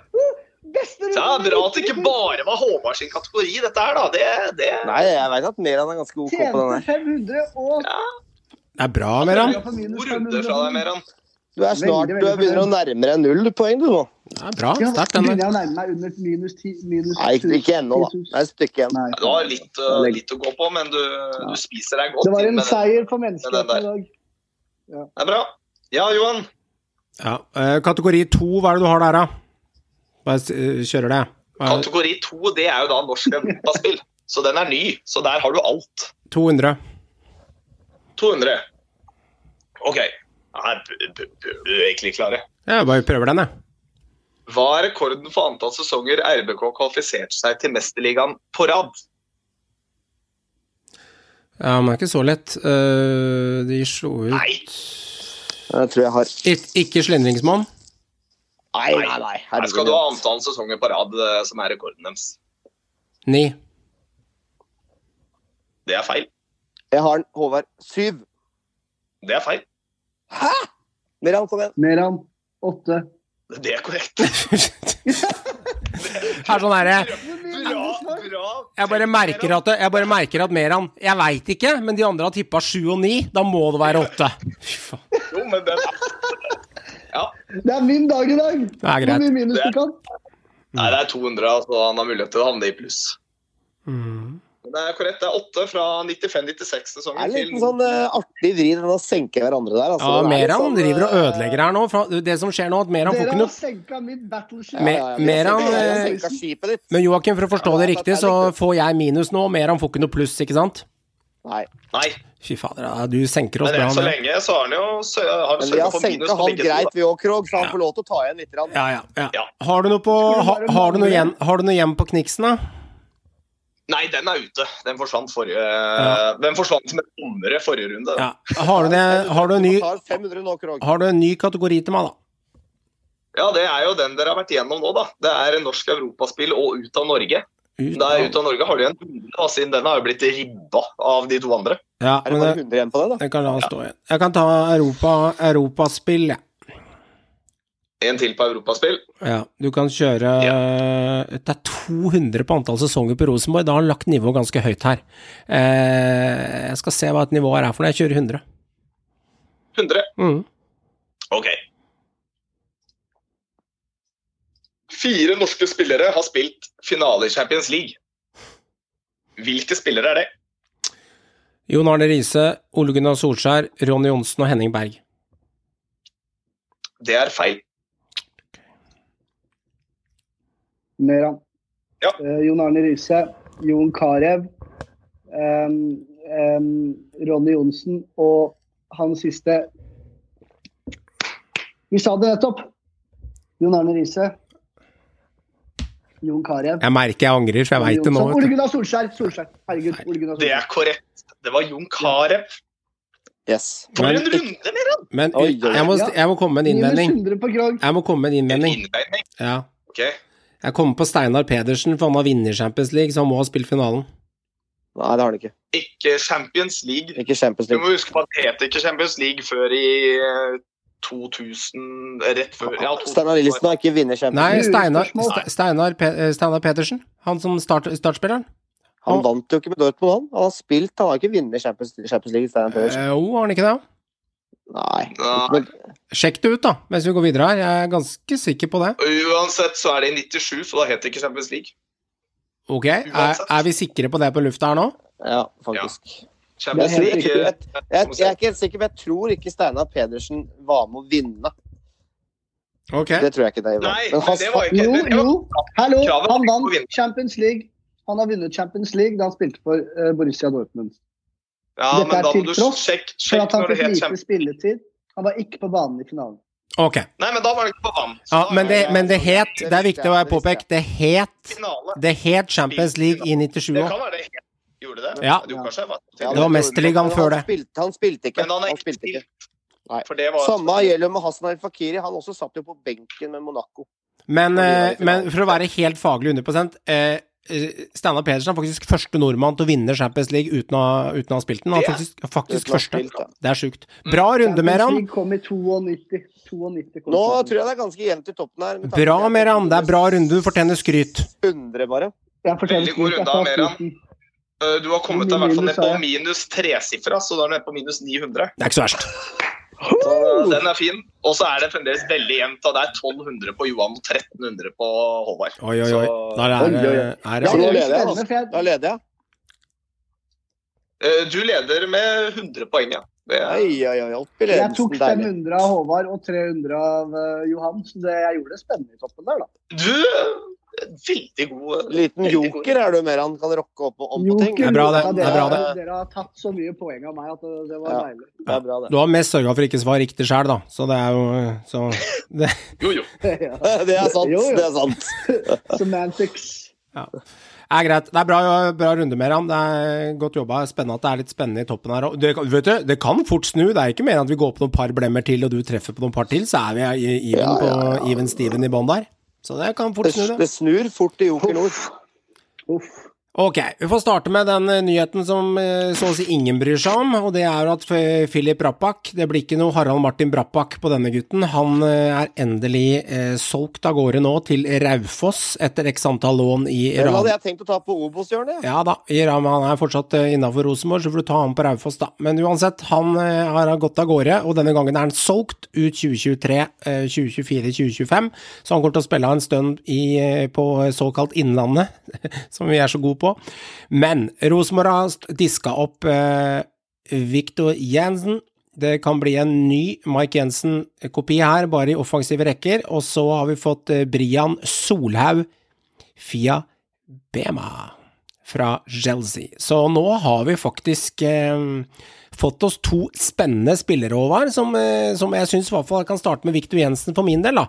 Når jeg så de klippa av YouTube-klippa på han, det er det eneste jeg har sett i åtte-ni minutter eh, av han. Så må jeg si én ting, at maken til første touch fra åtte-ti meter og inn, og skyte på direkten, uten å dempe ballen og komme i nød med tid. Jeg har ikke sett en mer treffsikker plasseringsspiller som en sånn offaktiv boksspiller på lang, lang tid av de klippa jeg så. Han skyter på ett touch hele tida, og det er ikke hardt, og det er borti hjørnet, og det er enkelt og greit. Han er ingen hodespiller, ser det ut som, men han har jeg litt trua på etter at jeg så de videoene. Fia Bema, ja, jeg hører Chelsea, jeg hører Tromsø, og jeg ser en, ser en ung spiller med snakketøy i orden. Ubeskrevet blad for min del, men eh, jeg er positiv til de signeringene her. Altså, jeg syns Jeg er ikke ofte jeg skryter av Rosenborg hvis ikke det er eh, Det må være grunn til det. be- Berettiga. Jeg syns det vinduet RBK har gjort nå Vi har slakta Rosenborg. Jeg har slakta Rosenborg mye Ja. for vinduene, vinduene det har gjort. Jeg syns det vinduet som Mikkel Roshin og Rekdal og resten av gjengen har levert nå, jeg synes det har vært et ekstremt, og det mener jeg er sånn ikke tulleord, meget spennende vindu som RBK har eh, levert nå.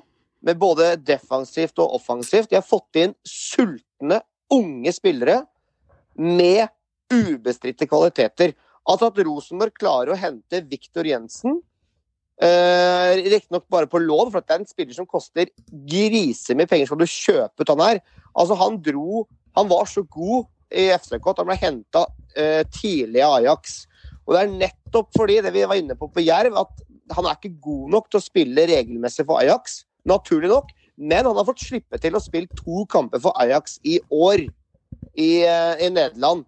Og, og, og var på lån i Nord-Sjælland i fjor, som er liksom et lag som er ekstremt gode til å utvikle spillere. Han gjorde sine saker meget bra i Nord-Sjælland på lån. Og som du sier, Johan, veldig god, smart spiller. God eh, avslutter. Farlig slepen, sånn typisk dansk tekniker. Han har jeg veldig trua på. Jeg tror han kan få en meget god sesong. Men det handler jo om at Rekdal og Frigård klarer å sette dette her i systemet, selvfølgelig. For nå har de mye spennende offensivt. Viktor Jensen er spennende herremann. Jeg tror han kommer til å presentere seg på en veldig god måte i RBK. Og det er en spiller som kan spille på de på en måte tre Altså en kant off-midt-spiller, da. Som, som, eh, som har, eh, er veldig god med ballen og, og Nei, jeg syns han ser veldig lovende ut. og når det gjelder Brian Fiabema, det var jo et, altså, sett på som kjempetalent. eh, rakk jo å debutere for Tromsø når han var 16 år. Så ble han henta av Chelsea, og det er jo ikke noe hvem som helst klubb som har henta han. Ikke sant? Det er Chelsea, en av, en av verdens største klubber. Han har fått en veldig god skole i Chelsea, spilt på U23 og U19. Gjort sine saker bra, trent med A-laget. Er jo også en, et fast innslag på det norske aldersstemte landslag. Og nettopp litt sånn Noah Holm eh, kan sammenlignes. Vil ha A-lagsfotball, voksenfotball, mannefotball. Vil begynne å ta fatt på karrieres, karrierestigen. Og dette er heller ikke snakk om noe, noe, noe kjøp, det er opsjon. Det er det visstnok i, i, i bunnen her, men et lån først og fremst. Så Brian Fiabema han kan også spille på de tre plassene foran både kant, men er først og fremst en veldig fremoverretta, direkte spisstype. Så jeg syns de to signeringene til RBK her eh, lukter svidd av. Jeg syns det er eh, spennende. Rett og slett spennende. Nå har ordet brukt mye her nå, Ja, ja. men jeg kan ikke si, jeg kan ikke si noe annet. Men, men jeg tror Viabema er, er opsjon, så mener jeg Viktor Jensen ikke er opsjon. Det er rent lån, ja. Stemmer. Ja, det stemmer. Men han Viktor Jensen ser, ser altså Han ser god ut. Han ser rett og slett god ut. Ja, det er sjelden jeg blir liksom imponert av sånne videoer, sånn som eh, diskes opp med de sju-åtte minutter, for jeg syns ofte sånt kan være litt sånn, der, eh, litt sånn tyggegummiunderholdning ved å sitte og se på Pascal Simpsons eh, karriere før han kom til Vålerenga på sånne videoer, da han fyker han i krysset mot, eh, mot Det Barcelona er litt sånn. en stund siden det. Ja, men det er litt humor, da. Jeg syns ofte sånne videoer blir sett på som er litt sånn jalla, men akkurat han så øh, syns jeg at det, det var et eller annet med touchen hans og måten han plasserte disse ballene i nettet på når han kom løpende inn. Altså, altså han spurte liksom å se, var det tilfeldig at han var så øh, Altså, det var liksom Han bruker så få touch, og så Nei, det var et eller annet med han, så jeg er mer skeptisk til Fiabema øh, av de to, og Viktor Jensen. Jeg, jeg tror han blir bra, altså. Men nå har jo RBK fått da den ekstra spissen sin, som vi har etterlyst. Som skal på en måte konkurrere med Noah, ikke sant? Eller kanskje i tospann. Eller kanskje tospann, hvem, hvem veit. Eh, RBK, det blir jo en 3-5-2, 3-4-3 der også. Vi vet ikke. Så, så de har mer strenger å spille på offensivt, noe vi har etterlyst. For det har på en måte sett litt sånn tynt ut. Og du plutselig fått tak i to veldig spennende skandinaviske spillere som er veldig sultne på å vise seg frem på A-lagsfotball. Og Viktor Jensen har jo ikke spilt mye fotball de siste åra. Det har blitt mye for Young Ajax, som det heter. Og på lån i Nordsjøland, der han fikk en 20 kamper og kom liksom i, liksom uti sesongen.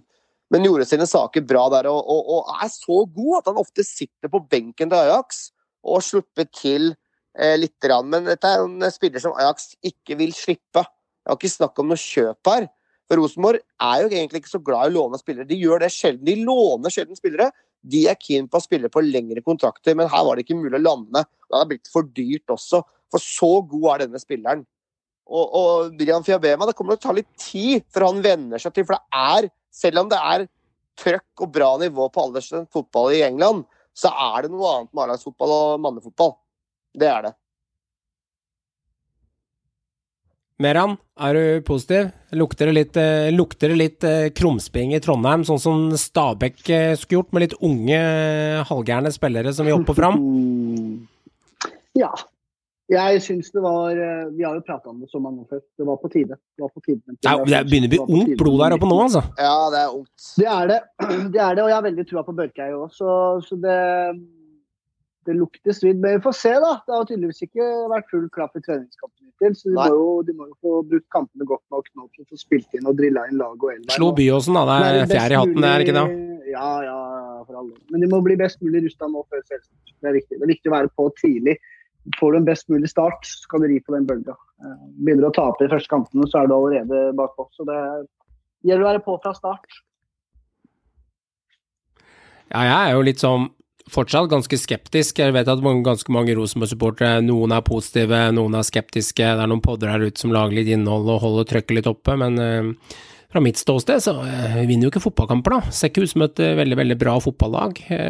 mye sånne hva kaller man det, konstellasjoner som skal sitte sammen, og det er mye nytt og Ja, Nei, jeg veit ikke Men når dette maskineriet kanskje begynner å sette seg, så tror jeg det kan bli ganske så bra. Jeg, jeg er ganske positiv på Rosenborg sine vegne Ja. når dette her setter seg. For jeg syns det er så mye kvalitet, og de er stor, begynner å få ganske stor bredde nå. Og det virker som at de på en måte har satt rollene på spillerne. Uh, hvordan de skal spille, hvordan de skal fremstå. Så er det å få satt dette her i system fortest mulig. For det, kom, det er ikke lenge til seriestart nå. Ah. Det er det ikke. Det, det, det, det kommer fort.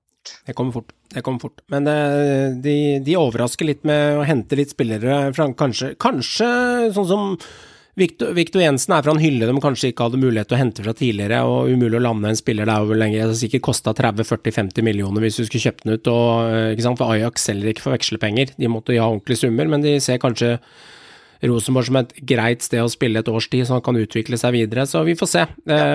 Det blir spennende å se, men om det er plass til begge på banen av Fiabema og eh, Noah Holm samtidig Ja, jeg ser ikke på statistikken til Fiabema at det renner inn skåringer i klubber han har vært i, og det gjør ikke det på Noah Holm Han har jo ikke vært i klubber annet enn Tromsø og Det er det jeg mener, og, men Han er ung, vet du. Ja, men, men fortsatt så er det liksom Det, det, er, det er ikke noen garantiste her, ikke sant? Nei, det er det ikke. Det er ikke Det er usikkerhetsmomenter. Det er det. Det er ganske mye usikre momenter. 13. mars, karer, så er det cup igjen, og én kamp er allerede spilt. Den har vi snakka om, den er spilt i gåsetegn. Det er Bodø-Glimt som slo Ålesund 3-0, 0-3, så dem får vi ikke gjort noe med. Så ett lag er allerede videre i cupen, men det er sju andre lag som skal videre. Og vi kan jo ta og snakke om noen av matchene. Det er KFM Brann, det er Kongsvinger Viking, det er Aufoss Godset, Sandnes Ulf Start, det er Nardo, gamle Nardo, altså husker de var i førstedivisjon på 90-tallet, mot LSK. Det er Åsane Sarp 08, og det er Molde Odd, som egentlig er et rent eliteserieoppgjør. Så vi kan jo starte å gli den litt over i KFM Brann. Er du sikker, Håvard, på at det blir borteseier der, eller, eller bare å møte opp eh, mot KFM Oslo? Jeg er ikke sikker på noen ting med det laget mitt. Eh, Det kan jeg si med en gang. Eh, Vi eh, fortsatt- Spilles på Intility. Spilles på Intility. Jeg, jeg vet, jeg skal vurdere å ta turen hvis jeg får tid. Har du vært der? Det har vært litt gøy. Jeg har ikke vært på Intility. Det har jeg ikke vært. Okay. Men det er noe greier som skjer i helgen med noe unger og noe opplegg, så vi får se om jeg får okay. tiden. Men jeg skal i hvert fall ses den kampen. Ja. Det blir spennende å endelig se en brannkamp igjen. Eh, nå hadde vi jo en eh, generalprøve mot Meran Stabæk. Det ble jo 0-0. Eh, jeg så jo disse høydepunktene av kampen, og makan som det brannlaget brenner fortsatt. Er Herregud, jeg så kampen. Du så kampen, og det var jo Ja. som å se oss fra i fjorårssesongen, spør du meg. Det var i hvert fall det jeg så. Jeg så jo ut som Brann var det beste laget der, Meran, og, og var ganske OK, men Nei. Det var Men- to eh, Jeg må være ærlig, det var to, to dårlige lag som spilte en dårlig kamp med, med Ja, det var vel bare de få sjansene Brann hadde. Stabæk hadde ingenting offensivt å komme med. Det var, eh, det var eh, to lag som eh, jeg mener personlig var greie defensivt. Det vil jeg si. Men sliter med å få til noe spill, sliter med å få til noe offensivt, sliter med å produsere sjanser. Så veldig mye av, eh, kall det nedturene eller de negative sidene fra begge lag fra i fjor, er definitivt med gjennom preseason i år. og Det går på det offensive og det går på det kreative på midtbanen. Ja. Å skape noe, der er de bakpå begge klubbene. Altså, altså jeg, jeg tror det blir veldig åpen kamp, da, for å snakke med K5 Brann. Eh, Det tror jeg blir veldig åpent, eh, for å være helt ærlig. Det, det kan gå begge veier. Altså, litt sånn tipp som happ, hvem som går videre. Jeg tror det blir veldig tett og Ja. jevnt. Jeg tror eh, Ja, for å være helt ærlig. Ja. Hvem som går videre der. Så, sånn som jeg ser på det, så er det veldig enkelt det er at eh, med litt fare for å ikke kjøre mitt eget lag ut på glattisen, eh, men vi har tross alt spilt mot dem før en gang, og det gikk veldig bra. Eh, så er det sånn Vi vet jo at ikke alle eliteserielag kommer til å gå videre. Ja. Og helt, eh, ja, nå, nå skal sies da, nå mikser jo jeg litt, da, for nå er jo ikke Brann noe eliteserielag. Så det Nei. hjelper jo for så vidt ikke. Men uh, av de kampene som er her, da, som, som er, den, den er jeg Jeg om du vil kalle det en skrell, da, med tanke på at de er i samme liga nå, så kan det vel egentlig ikke kalles en skrell lenger. Det er ikke noe skrell hvis Skoffa Nei, det er ikke en skrell. Uh, og jeg tror det blir en hard kamp. for Men det er fortsatt en litt av skrell. Sånn, vi veit det er litt av skrell for det. Det er litt, du vil nesten kalle det en litt av skrell. Bare, er det en skrell? bare fordi det heter Det er ikke det nå, vet du. Ja, ja, ja. Samme liga. Altså, Det er jo ryktet er større enn mannen. Brann Altså, skal alltid slå Ja. KFUM. ja, ja, det er, det er sant, det. Ja, Altså, jeg, jeg, blir jo, jeg blir jo skuffa. Jeg håper på et litt sånn cupeventyr, nå, som jeg ikke har så mye å glede meg over. Ja, ja, ja. Jeg har litt jeg, har, jeg, har, jeg må si jeg har litt Jeg er litt redd for Brann. Jeg er faktisk det. Jeg tror KFUM kan bli et vanskelig lag for Brann å slå Ja. Uh, i en. Det, det skal du ikke Og, se bort fra. og for å irettesette meg selv, så er cupkampene 12. i tredje. Eh, går eh, fire av kampene, og så går tre av de 13.3. Ja. Så det er 12.3. der. Men vi kan jo snakke om en annen match, da, som kan ende alle veier. Sandnes Ulf Start. Den føler jeg er quite åpen. Oi, oi, oi. Det er i hvert fall uh, Tenk på det. Martin Ramsland mot gamle lagkamerater der. Skal han si takk for sist og smeller inn en liten hat trick mot Start? Det er jo typisk han, det. Hvis det skjer. Å, herregud. Han er nok utrolig tent, i hvert fall, på å vise seg fram. Ja, altså, jeg har ikke, ikke jeg kompetanse til å tippe den kampen, det, rett og slett. Nei, Altså, det det, er Det er så bingo, den cupen nå. Altså. Herre min hatt. Ja. Jeg føler egentlig kanskje det sikreste kortet her, pga. litt form og sånn, er eh, Kongsvinger Viking. Selv om Viking spiller borte på Ja. så føler jeg liksom Viking, Viking tar den. Viking Og jeg tror heller ikke Godset ryker mot Raufoss. Jeg tror ikke det. Eh, na, Generalprøven her eh, gikk jo bra, da. Ja. De har jo møtt Raufoss allerede. Da vant vi vel 5-1. Så Ja. det, det, det ligger jo greit an i Ja. den kampen. Ja. Men alt kan skje. Det er cup. Men Åsane-Sarpsborg altså Sarpsborg veit du aldri med. Altså De kan enten skåre fire, eller så skårer de ikke på fem eh, kamper. Altså Sarsborg, det er, eh, Åsane hjemme er ikke noe spøk heller. Det er ikke, noe, det er ikke bare å møte opp Det i er kanskje- Bergen. Nei, det er ikke det. Det er der eliteserieskrellen eventuelt kommer, tror jeg. Ja, mulig. Det er det Hvem er det Nardo møter, da? LSK. Det er Lillestrøm. Ja, den vinner LSK. Det Lillestrøm er går jo ganske videre sikker på. Det er Det, det, gjør det. det. det kan jo ikke skje Og så er det Molde, Molde på Aker. mot Odd. mot Odd. Ja, det er klink H. Ja. Klink H. Klink H. Ja, jeg tror Kakerball, eller hva også dere kalte det, er ikke klart ennå. Gutter, de neste ukene så skal vi jo diske opp med tabellplasseringer. før vi skal gå gjennom Eliteserien fra 16. til eh, 9. plass i én episode, og så går vi gjennom fra 8. til 1. plass i en annen episode. Og så skal vi kjøre opp litt fantasy også. Det er litt å se fram til framover, Meran, eh, hvis du følger Synseligaen i podcast-form, for det kommer til å bli litt eh, juicy stoff framover nå. Bare å glede seg nå. Spesielt til tabelltipset. Det blir show. Det blir veldig show. Ja, gleder meg til å se fantasy også, når det deres tabeller!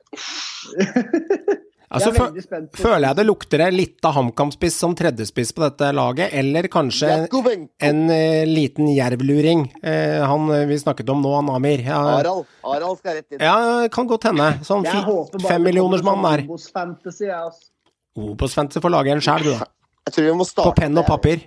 Ta, pat- vi tar patent og gønner på med Obos Fantasy. Nei, det blir Eliteserien Fantasy. Det Jo, jeg gleder meg til fantasy og begynne å liksom eh, leke med laget. Begynner å holde på litt. Ja. Pris- Det- det Nå er- Lurer på hvor er mye det- Helland skal koste i år, ja. nå er- ja. Noe av det morsomste er jo det er vel 15 mil på Helland, tenker jeg. Nei, i år, er det, i år tipper jeg han er 7-7,5. Han går nedover. Men en av de morsomste tippene er jo rett før vi starter, når du setter opp ditt første lag. Når du sitter og leker Ja, med spillere. Deilig, Deilig, så deilig, Det er nesten det mors Mm. noe av den morsomste perioden med hele fancy, før du har fått poeng engang. Det er bare Nå- det å leke med laget ditt og se hva du får Ja, til. det er Liksom. deilig. Ja. Og nå er det, ser det ut som det er noen fra Discovery Eurosport som endelig er tilbake på jobb.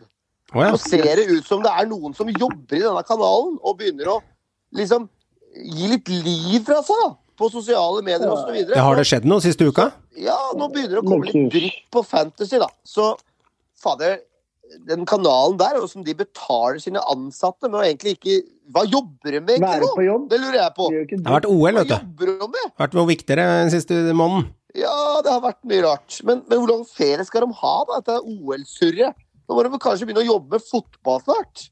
Ja. Ellers er det bare å ansette ja, oss, så tar vi og jobber litt, vi, altså. ja, du frir, ja. Du frir, ja. vi. og Gauseth. Bare ring meg, så skal jeg jobbe. Ja, sånn er det. Det er morsomt. Ja, det er bra. Det er bra du følger, kjære lytter. Eh, Gå inn på Twitter og meld noe til høyre og venstre. Vi tåler litt diskusjoner, og Håvard styrer Twitter-kontoen. Og gå inn på Instagram hvis du har lyst til å ha tak i noen spørsmål til mer enn et eller annet, så besvarer han deg gjerne. Og tar Vi tar gjerne. snille ting på Insta. Snille på Insta, og så tar vi det rasshøltinga på Twitter, for å gjøre det enkelt. Det er, eh, det er sånn det er. Ris og ros er lov, bare meld i vei. Klassisk ris og ros, det er hyggelig. Hjertelig takk for at du lytter til Synseligaen, og takk til eh, Eurosport for bruk av lydklipp i episoden. Gå inn på Discovery Pluss eller Dplay for å få tilgang til hele Eliteserien der hvor du er. 25 dager, kjære lytter. Det er knapt ei lita måned, det, og vi har masse i vente i neste episode av Synseligaen, så håper jeg du er ready. Fram med campingstol, fram med lettølen og kose deg på verandaen for eh, årets sesong. Den kommer til å rulle unna. Kos deg masse. Hei så lenge.